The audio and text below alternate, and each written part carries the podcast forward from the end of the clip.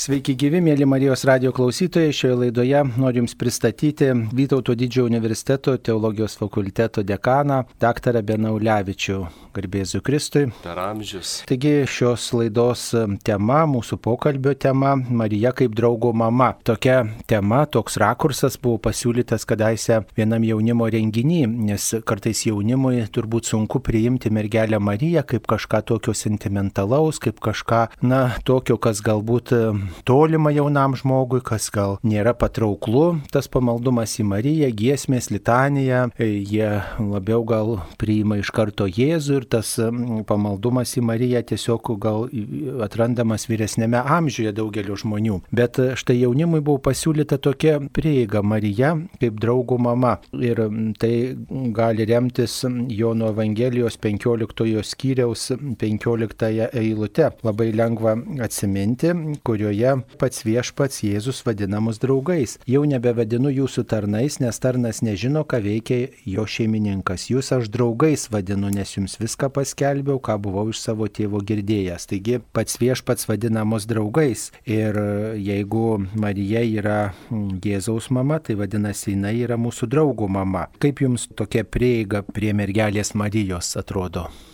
Prisipažinsiu, apie Mariją kaip mamą esu ir galvojęs, ir taip meldėsis, ir ją taip pažįstu, bet kaip apie draugo mamą šią progą iš naujo teko pagalvoti. Ir pirmiausiai tai vis dėlto prisimenu savo geriausias draugystės, ypatingai kai buvau nepatyręs draugas. Vis tiek mes ir draugystėse galim būti nebrandus, paskui brandesni, tai mano mokyklos dienų, vėliau studentiškų dienų, jaunų draugų būrys ir prisimenu tuos lankymusis vieni kitų namuose ir tikrai kaip būdavo svarbu draugo mamos vaidmuo labai labai svarbus. Ir tada gal nelabai mačiau ir supratau, bet dabar matau, kad e, ta gera mama, jis tengiasi pirmiausiai, kad draugystėse nekiltų įtampo. Ji kažkaip tai globėjiškai gali pasirūpinti sūnaus draugais, bet kita vertus taip pat palieka erdvę pasistengia, kad e, ta draugystė ir to erdvėje kažkas gero e, vyktų. Na, tėvai, kaip sakant, netrukdo dažnai draugam draugauti, bet taip pat e, vis dėlto ir rūpinasi. Ir ypač jeigu žinom ir net prastų draugysčių kokiu nors, tai tėvai, jie negali nieko padaryti, meldžiasi. Ir aš daug vėliau sužinau iš savo mamos, kad mano kai kuriais atvejais, kai vykdavau su draugais į pavojingesnę kelionę, arba susitikdavau su draugais, kurie, pavyzdžiui, mano mamai atrodė galbūt ne visai tokie jau moraliai tobuli, nu čia žinot, visi tėvai norim gerų draugų savo vaikams, tai mama vėliau prisipažino, sako, labai melsdavausi. Ir užtarimo gale Ir tikrai dabar sunku pasakyti, bet amžinybės perspektyvui pamatysiu, kiek įvykių kitaip galbūt klostėsi ir buvau išgelbėtas iš kažkokių situacijų arba kažkas geriau įvyko dėl mamos maldų. Ir taip pat e, mamos saugo e, draugystės, e, pasistengia, kad draugystė būtų puoselėjama ir aš įsivaizduoju turėti gerą mamą. Man tai buvo, aš grįždavau pas mamą ir nebijodavau pasakot, manau, čia labai vertingas dalykas vienas iš e, gerų santykių kriterijų, kad nebijai mamai ar tėčiui papasakoti. Ir jei kažkokia psichologiškai sudėtinga situacija, gali gauti taip pat ir e, tokį švelnų, neįkyrų patarimą. Tai Jėzus kaip e, draugas, kaip bičiulis turi mamą, kuri yra mūsų užtarėja, kuri už mus meldžiasi. Ir čia šiuo atveju turim tokį draugą, kuris pranoksta mus daugeliu atveju ir norim draugauti su juo, norim labai e, su juo draugauti, bet ne visada iki galo žinom ir kaip, e, ne visada jaučiamės adekvatus, žavimės juo, jis mus įkvepia ir mama čia netrukdo, bet padeda įvairiais būdais ir moko ir užtaria ir pagelbėja mum organizuoti draugiškus susitikimus, gal nuo to galėtumėm pradėti. Tikrai labai galingas vaizdinys. Marija kaip draugo mama. Turbūt mums taip pat e, dar tas įvaizdis, kurį mes turime savo patirtį, gal padėtų svarstant ir taip pat apie Jėzaus e, mamą. Tai mes žvelgiam į savo draugus ir turbūt stebim, kaip jie bendrauja su kitais žmonėmis, kaip jie, pavyzdžiui, bendrauja su savo mama. Ir tada galbūt ir mūsų tas santykis su ta mama irgi nuo to priklauso. O štai vad Jėzus gal nebuvo ypatingai labai švelnus su savo mama. E, Evangelijoje matom, kas čia yra, ar čia to meto tokia kalba, toks bendravimo stilius, ar apskritai Jėzus tą santykį su savo mama tarsi nukelia į tokį tolesnį planą. Jam svarbus kiekvienas žmogus ir Jėzus yra įsitaręs, kad kas yra mano broliai ir mano motina, yra tie, kurie vykdo dangiškojo tėvo valią. Tai savotiškai net ir mus e, šalia mamos pastato į tą patį būrį. Tiesiog galbūt Jėzui tas santykis su motina nėra toks reikšmingas kaip va tėvo valios vykdymas ir mums tai taip pat gali būti ženklas, kad reiškia mes labiau stengtumės ieškoti viešpaties valios, o ne žiūrėti, kur kieno kokie santykiai. Galima pamatyti taip, aišku, turime omeny ypatingai tą vietą, kur Jėzus atrodo nepuola bėgti pas savo giminaičius laukiančius ir ten mama e, yra, bet e, tada atsigrėžia ir sako, štai mano mama, broliai ir sesės, tie, kas vykdo tėvo valią galima kitaip pamatyti, kaip tik atvirkščiai. Galima vos nematyti, kad Jėzus čia rodo į savo mamą kaip į modelį. Nes e, jo motina vykdo tėvo valią ir jis nenužemina, nepažemina savo mamą, kas būtų taip pat ir labai sunku įsivaizduoti e, anuometiniai žydiškoji visuomeniai, kur ne tik mama, bet net ir prieš vyresnį brolį nelabai gali ką pasakyti, esi jam klusnus, bet jau ką kalbėti apie tėvą arba motiną šeimoje, kurie dieviškojų įsakymų laikomi aukščiausiai pagarboj. Tai Jėzus nepažemina mamą, bet paaukština mus. Kaip ir toj vietoj, kur sako, jūs ne, ne vergais vadinu, bet draugais, Tai čia galėtumėm išgirsti, kad mus nevertus ir nuodėmingus vis dėlto Dievas būrė į šeimą, kurioje įgyjame vos nedievišką tokią pagarbą, statusą, būdami neverti ir todėl esame labai dėkingi per amžius. Ir ta vat nuotaika ir atsispindė paštalų laiškose, kokie dėkingi esam, kad Dievas mus nevertus įtraukė į savo šeimą. Bet yra dar Jono Evangelijoje netgi dvi vietos, bet ypatingai viena kanos vestuvės, kur dažnai mums rėžia ausi, kur Jėzus Marijai sako, moterie, dar netėjo mano valanda, kas man ir tau darbo moterie. Ir čia jau reikėtų priminti, kad yra ir mistinė prasme čia labai gili ir štai skaitydami tokį pasakojimą Jėzaus laikų žydai ir apaštalai ir Jonas turbūt tą ir nori savo klausytojams parodyti jie pamato gilų ryšį su pradžios knygos pasakojimu, su sukūrimo istorija. Nes pradžioj pasakoma, kad kanos vestuvės vyko trečią dieną, tada mums įdomu trečią dieną nuo ko, ta trečia diena pradedam skaičiuoti dienas atgal ir randame paminėjimus kitą dieną, kitą dieną, kitą dieną. Prieš tai ir pačioj pradžioje buvo žodis, žodis buvo pas Dievą. Taigi Jono Evangelija prasideda laiko atskaitos taškų pradžioje, tada kitą dieną, kitą dieną, kitą dieną ir trečią dieną. Tas dienas sudedami vieną gauname septintąją dieną ir žydui skaitytojui iš karto arba krikščioniui, izraelitui iš karto aišku, kad čia yra simbolinis skaičius, septyni pasaulio sukūrimo skaičius. Ir septintą dieną pasigirsta moterie, o tai yra pirmosios moters titulas, nes Jėva pradėta vadinti Jėva tik po nuopolio, o iki tol maždaug 20 kartų moteris, moteris, moteris. Ir tai yra pirmosios moters titulas. Ir Jėzus štai septintą dieną, kur pradžios knygoje moteris sukurta šeštą dieną ir tada septintoji diena galėtumėm įsivaizduoti vestuvės vyksta. Adomo vestuvės ir Jėvos vestuvės. Ir štai čia septintoji diena, kanos vestuvės ir vestuvių aplinkoje pasigirsta tas titulas moterie. Ir tai belieka tik sakyti, tai reiškia, Jėzus rodo, kad Marija yra naujosios kūrinijos pirmoji moteris. Panašiai kaip Jėva buvo pirmosios kūrinijos pirmoji moteris. Ir tas moterį reiškia aukščiausio lygio pagarbą, o ne kokį nors pažeminimą, nors mums rėžia ausį. Aišku, savo mamai taip sakyčiau, moterį turbūt dar per ausį švelniai gaučiau, ką tu savo galvoji. Ir vėliau matome, kad Jėzus dar kartą Mariją pavadina moterimi Jono Evangelijoje, kai jau yra nukryžiuotas ir Marija stovi po jo kryžiumi. Ir prisimename, kanos vestuvėse Jėzus sakė, moterie dar netėjo mano valanda.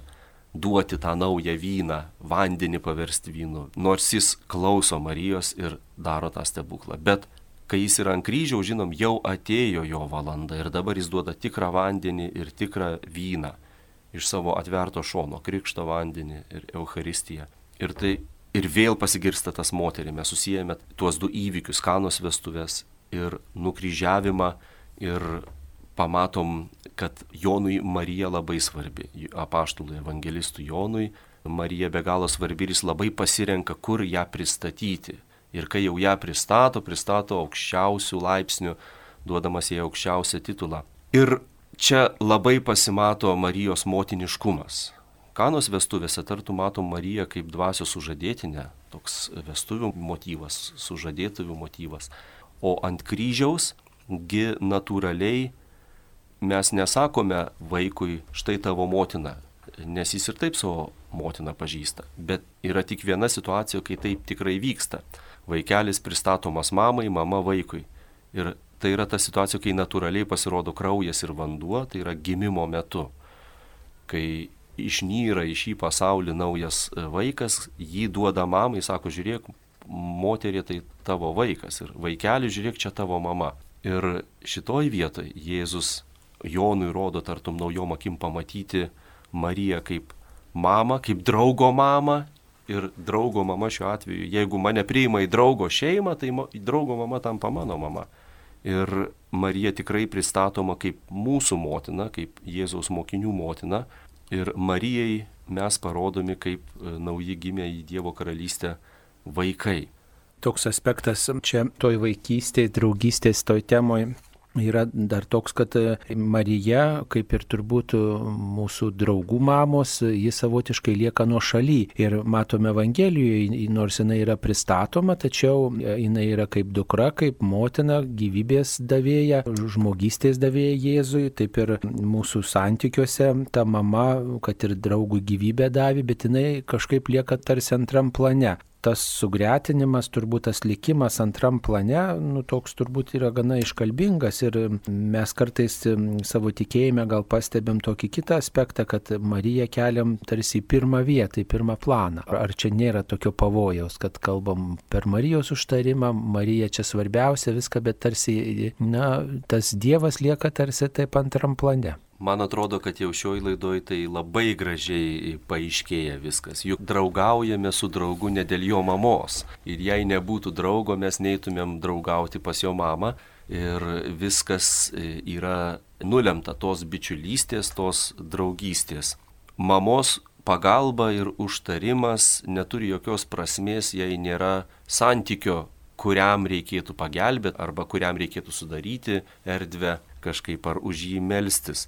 Tai štai tikrai mūsų visas gyvenimo pamatas yra Jėzus Kristus ir draugystė su juo ir labai gražiai čia matom, kad Marija pasitraukė į antrą planą ne todėl, kad yra kokia nors ten nereikšminga ar mažiau verta dalyvavimo, bet pati prigimtis jos santykio su Jėzum lemia jos buvimą antrame plane. Kaip mama ji nėra centre, bet jos vaidmuo tartum toks, kad jeigu mamą tą patrauktum iš to santykio, ten galbūt daug kas ir pasikeistų. Tad e, gražu būtų taip e, suprasti naujai mes ir Marijos tarpininkavimą, taip suvokiam, ne, draugo mamagi nestovi tarp durų ir nesako, pradžioj pasikalbėkim ir tik tada galės eiti pas savo draugą. Jos pagalba dažnai nematoma ir yra ne tarp draugo ir tavęs, bet ji dovanoja tau, ji dovanojusi pasauliui šitą draugą pirmiausia, ji yra jo mama ir ji sudaro sąlygas daugybei dalykų. Gerina tą santykį, tiesiog daro, kad santykis yra sklandesnis. Šioje vietoje noriu priminti, kad reikėtų žinoti taip pat ir švento rašto požiūrį į valdovo mamą. Nes vis dėlto tas mūsų draugas Jėzus Kristus yra ne šiaip draugas, bet jis yra taip pat ir karalius, dangaus ir žemės valdovas, jis yra Dovido palikuonis, tai Izraelio karalystės, galima sakyti, sostė sėdi, yra žemiškojo Izraelio valdovas, bet jo karalystė šito Jėzaus Kristaus yra ne iš žemės, bet iš dangaus ir yra dangiška, didesnė už žemišką karalystę. Ir man asmeniškai vienas didžiausių atradimų buvo santykė su Marija, kai sužinojau, kad mes vadinam Mariją dangaus ir žemės karalienę. Ne todėl, kad susigalvojom tai viduramžiais kažkada vėliau, bet todėl, kad Davido karalystėje karalienė buvo ne valdovo žmona, bet valdovo motina. Buvo tokia taisyklė. Ir visų valdovų po Davido, pradedant Saliamonu, visų valdovų mamos sėdėdavo valdovų dešinėje atskirame soste ir dalyvavo karalystės reikaluose užtardamos, duodamos patarimą ir tikrai užėmė labai svarbę vietą. Tad e, štai ta mamystė draugo, kaip motina draugo, Marija yra taip pat ir karalienė. Mes turim tokį draugą, kuris karalius ir toj karalystėje karalienė yra motina. Tai mes labai teisėtai vadinam Mariją dangaus ir žemės karalienė, nes Jėzus yra dangaus ir žemės valdovas, visos visatos valdovas ir šį titulą Marijai, na, jis savaime automatiškai atitenka kaip dovydiško valdovo mamai. Teisėta, bibliška, natūralu, normalu. Bet tas kreiptis kaip į draugų mamą gal yra daug subtiliau, švelniau, tas santykis toks yra familiaresnis, toks artimesnis, negu kad kreiptis, reiškia, į valdovo, į viešpaties motiną. Tai e, gal čia yra mūsų laikmečio toksai ženklas, kad mums ta draugystė yra svarbesnis dalykas, pažintis, tas bendrumas, toks artumas reikšmingesnis, negu kad turėti tokį pažįstamą, pavyzdžiui, kažkokio valdovo, kažkokio reikšmingo žmogaus mamą. Šioje vietoje vėl kvieščiau apversti perspektyvą aukštinkojom. Taip, natūraliai kyla šitas klausimas daugeliui klausytojų turbūt, kad jeigu taip, jeigu Marija yra valdovė ir Jėzus valdovas, tai yra milžiniška praraja tarp mūsų. Bet kita vertus, juk Jėzus mus draugais darydamas, jis mus įtraukė į tą karališką šeimą. Jis pasistengė, kad tos prarajos neliktų. Taip, jis yra viešpats, jis yra Dievas, jis yra nesukurtasis. Bet kita vertus, jo pažadas yra ten, kur aš esu ir jūs būsite, kaip tėvas manyje, taip aš jumise. Tai aš išmokau labiau stebėtis ne tuo, kaip Dievas išaukštino Mariją ir maždaug ar taip galėtų būti, bet stebėtis tuo, kaip jis išaukština mane, kad aš galiu būti familiarus Dievo šeimoje. Na ir tikrai, melzdamasis, aš suvokiu, kad Jėzus mane pranoksta ir yra valdovas, bet aš tikrai ateinu į jo draugystę kaip bičiulis, kaip draugas, nes jis to norėtų, jis tą padovanojo, jis to iš manęs tikisi, geros draugystės, gero bendražygiškumo. Natūralu, kad tarp draugų yra tokių, kuriuos gerbi labiau arba jie yra tau didesnis autoritetas, įkvėpimas, šalia jų tu pats gerėjai, Tai Jėzus štai toks draugas. Ir, bet jis kviečia į tą familiarų e, santyki. Ir tas žodis gražus čia - familija, familiarus, šeiminišką santyki. Ir mes katalikai tikrai stebinam kartais kitus krikščionis, savo šventųjų gausa, savo požiūrį į Mariją. Jeigu esi toks griežtas krikščionis kelionės pradžioje, gal kartais norisi sutvarkytos santykius, sakai, tai kaip čia maldoje dabar. Reikėtų pirmiausiai gal nubūtinai kreiptis į tėvą, nes gal Dievas įsižeis, jei pradėsiu kreipdamasis į Jėzų, nes Jėzus Dievo sūnus, nors jis irgi Dievas. Nu, bet jeigu jau pradėsiu maldą ir man pirmiausiai galva ateis koks nors šventasis, tai visai viską supainėjau. Maždaug Dievas gali gal supykti ant manęs, bet mes taip nemastome. Mes krikštų patekome į didžiulę šeimą ir jaučiamės tartum šeimos šventėj, kur visi kalbasi, visi puotauja, visi vienas kitam padeda ir kai patenki į tokį būrį, tu neįsitempi svarbiausiai. Tai ne įtampos atmosfera, bet bičiulystės. Tave puola apkabinti ir tu nesakai, palaukit, aš dar negaliu su jumis čia pasidžiaugti, nes turiu būtinai pirmiausiai nueiti ir atiduoti pagarbą seneliui. Nu, nueisi prie to senelio, ar ne? Kabutėse, kad senelio kaip Dievo. Taip, taip, taip. Tai, ir tai yra karališka šeima. Mes visi įtraukti į karališko šeimos laisvę, džiaugsmą. Štai kas tulbina. Mes ne neteisėtai išaukštino Mariją, ne. Stulbinančiai Jėzus išaukštino mus visus. Dievas per Jėzų savo dvasiai išaukštino mus visus. Ir štai kokioje šeimoje mes esame ir visus žmonės kviečiame tą šeimą.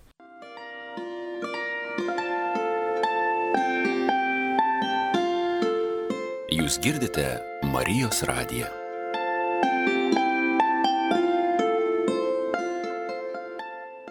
Tai šeimos santykiai mums tokie yra labai pažįstami ir draugų turime, su kuriais bendraujame taip draugiškai, formaliai arba, arba betarpiškai, paskambinam, pasidomim, tiesiog skiriam laiką, susitinkam ir, ir tai žinom, kad, nu, vat, šiaip galiu paskambinti, kaip tau sekasi, ką tu veiki.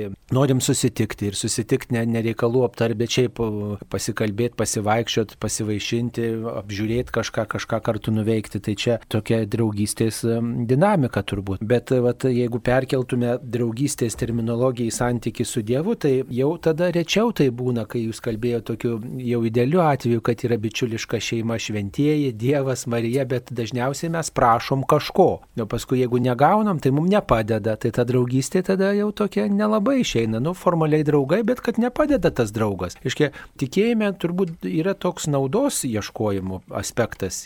Gal kai kurių žmonių pamaldome, bet turbūt ir daugelio gal yra tas naudos maldos, kad man Dievas turi padėti, man Marija turi padėti išklausyti. Tai savotiškai, jeigu iš draugų mamos naudos nelabai tikiuosi arba nu, malonu gerbiu, nes artimo man brangaus, mielo žmogaus mama, tai čia šiuo atveju naudos galbūt aš norėčiau, kad užtartų, palydėtų, padėtų, at, pagelbėtų, kitaip tai nu, gal ir nėra tos draugystės gilios. Tikrai noriu kažkaip kategoriškai sakyti, kad taip ir kitaip, bet na, man atrodo, kad čia ir svarbu yra akcentų sudėjimas maldoje. Ir dirbtinai to nepadarysi. Lemia viską santykis, kurį įgyji su Dievu. Ir jeigu mano santykis yra valdininkiškas, kas nėra gėda, nėra blogai, tai labai natūralu tam tikra mūsų kelionės etape. Čia to nereikia kažkaip tai dramatizuoti, bet tas valdininkiškas santykis iškart aišku permeta mane ant tokių reikalų tvarkymo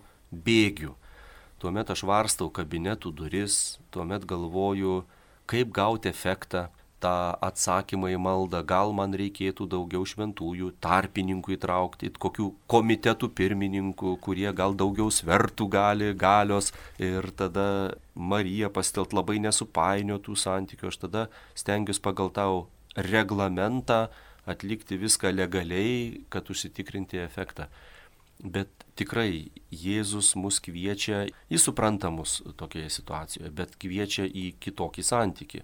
Ir tame kitam santykyje, manau, prašymai išlieka, niekas nesikeičia, mes bėdoje puolame prie Dievo ir prašome pagalbos ir jo šventųjų ir Marijos. Bet vis dėlto pirmasis motyvas yra pirmiausiai, santykis lemia, kad galima taip galvoti, reiškia, kas tavo gyvenime yra brangiausi žmonės arba kas yra tau šeiminiškiausia aplinka. Tai rask žmonės, kuriem bėgi pirmiausiai išsipasakot, pasakyti, kas tavo ant širdies, kurie girdi, kas su tavim vyksta, neteisia tavęs ir jeigu gali padeda. Tai štai šitame santykėje mes pradedame melstis ne kokiam nors ten labai formulėm maginiam, bet iš tikrųjų pradedam sakyti Dievui taip, kaip žinom, kaip mokam ir šitai Dievo šeimai, kas ant mūsų širdies kaip akmuo guli, kokie mūsų rūpeščiai, kokie mūsų džiaugsmai, mes kalbame su Dievu. Mes žinom, kad šita Dievo šeima mato mano situaciją, joje yra ir tikrai pagelbės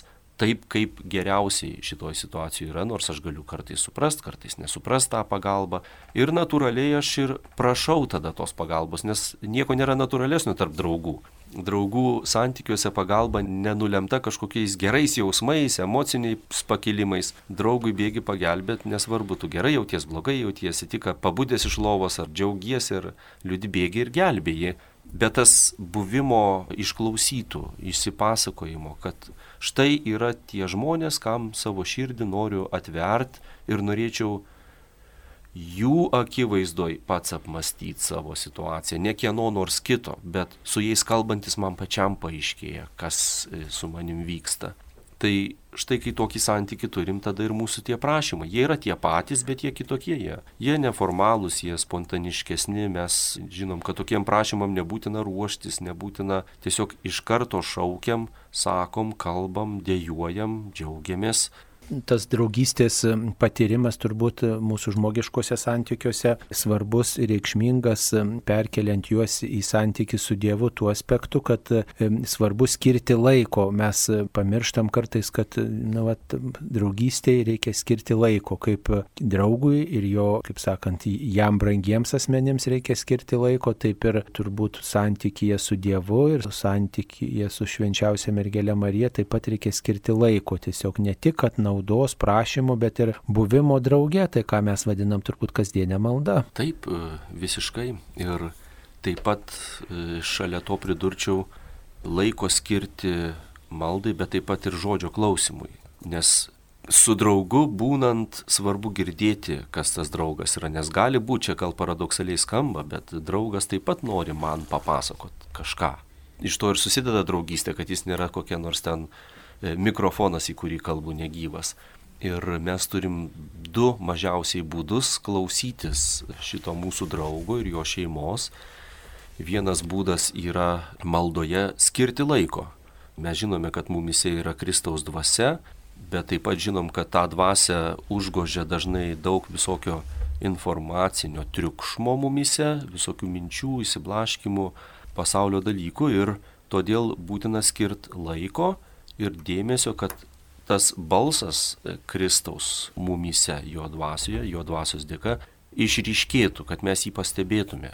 Jis gali būti subtilus, jis gali būti švelnus.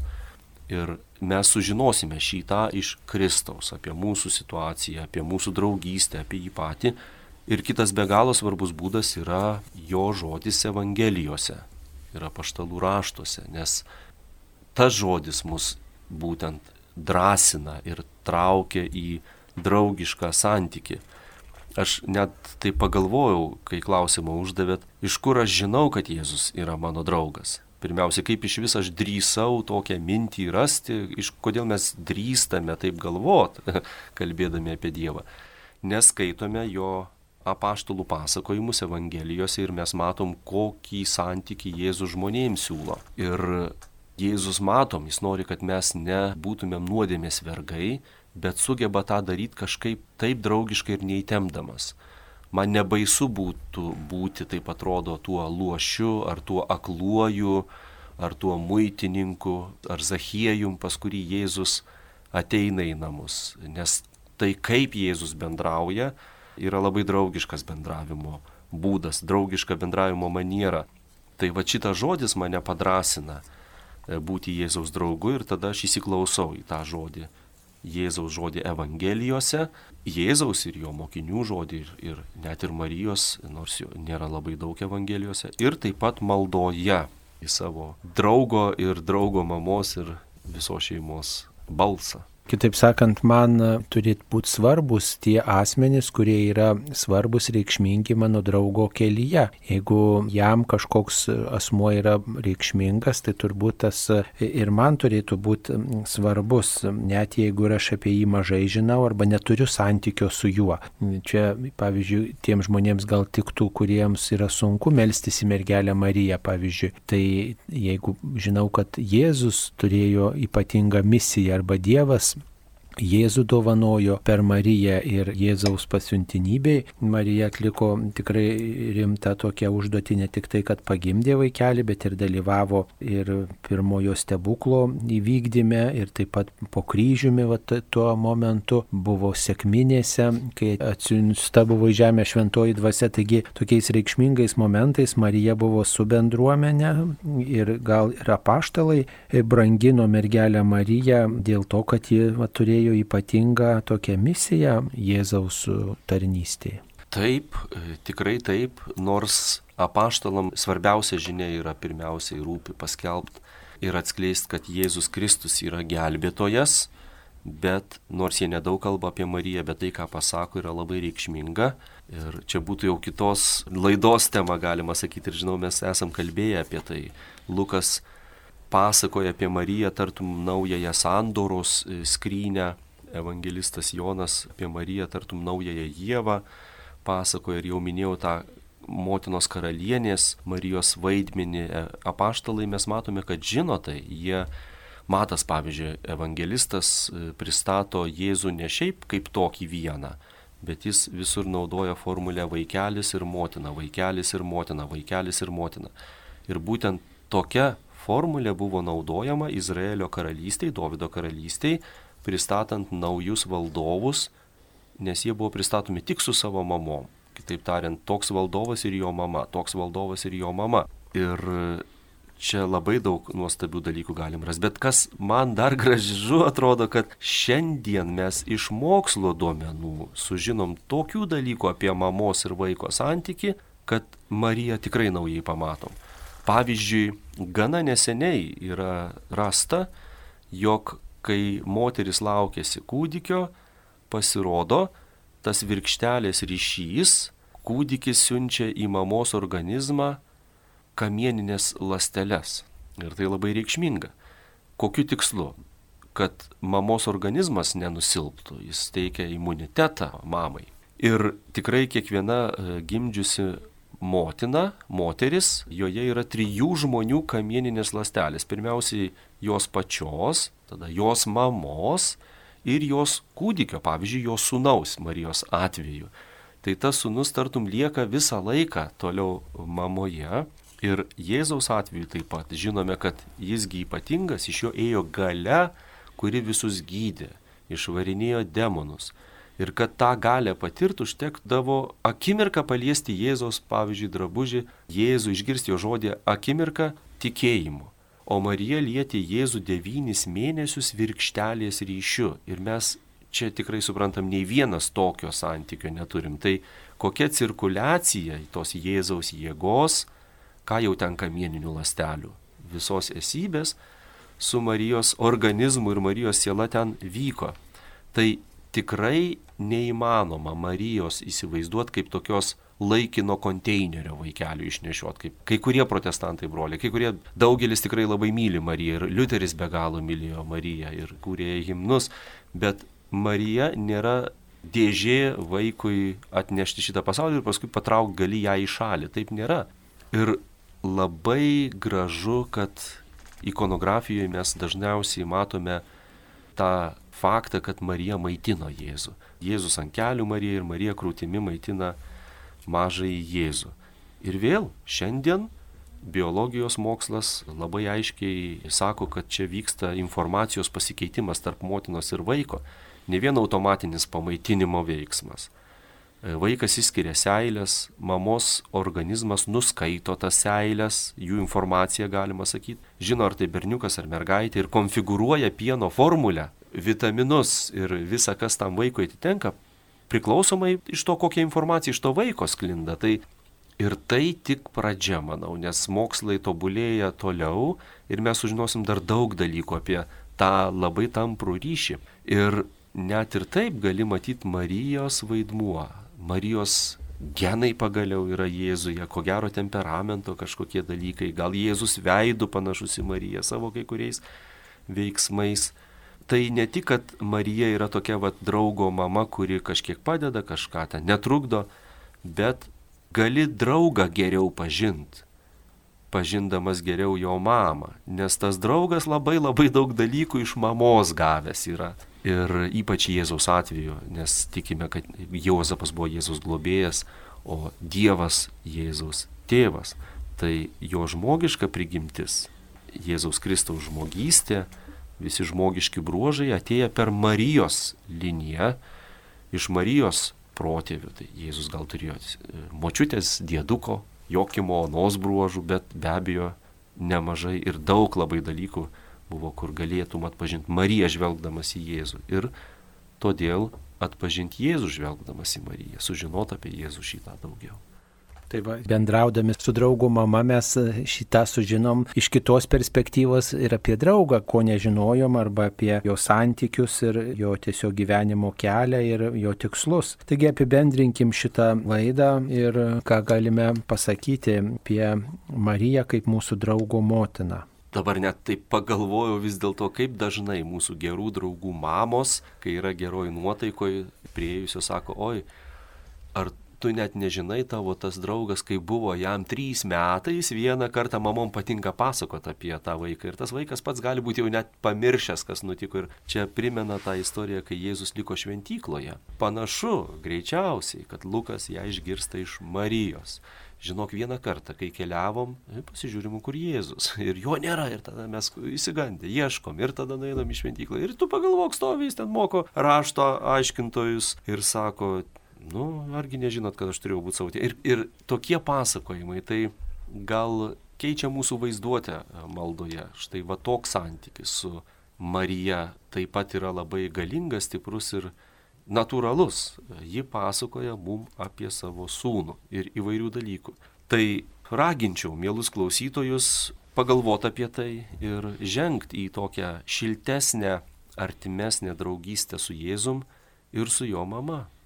Mėly Marijos radio klausytojai, šioje laidoje jums kalbėjo Vytauto didžiojo universiteto katalikų teologijos fakulteto dekanas, teologijos daktaras Benas Ulevičius apie Mariją kaip apie draugo mamą, taigi visi esam kviečiami pasvarstyti, paraginti save, perkelti draugystės klausimą į santyki su Jėzumi ir taip pat į santyki su Marija, juk ne tik ieškome kažkokios naudos iš šventųjų ir iš paties Dievo, bet ir norime tiesiog draugė su jais būti, ką ir išreiškia draugystės patirtis. Taigi visiems draugystės patirties. Ačiū sudė. Su Dievu.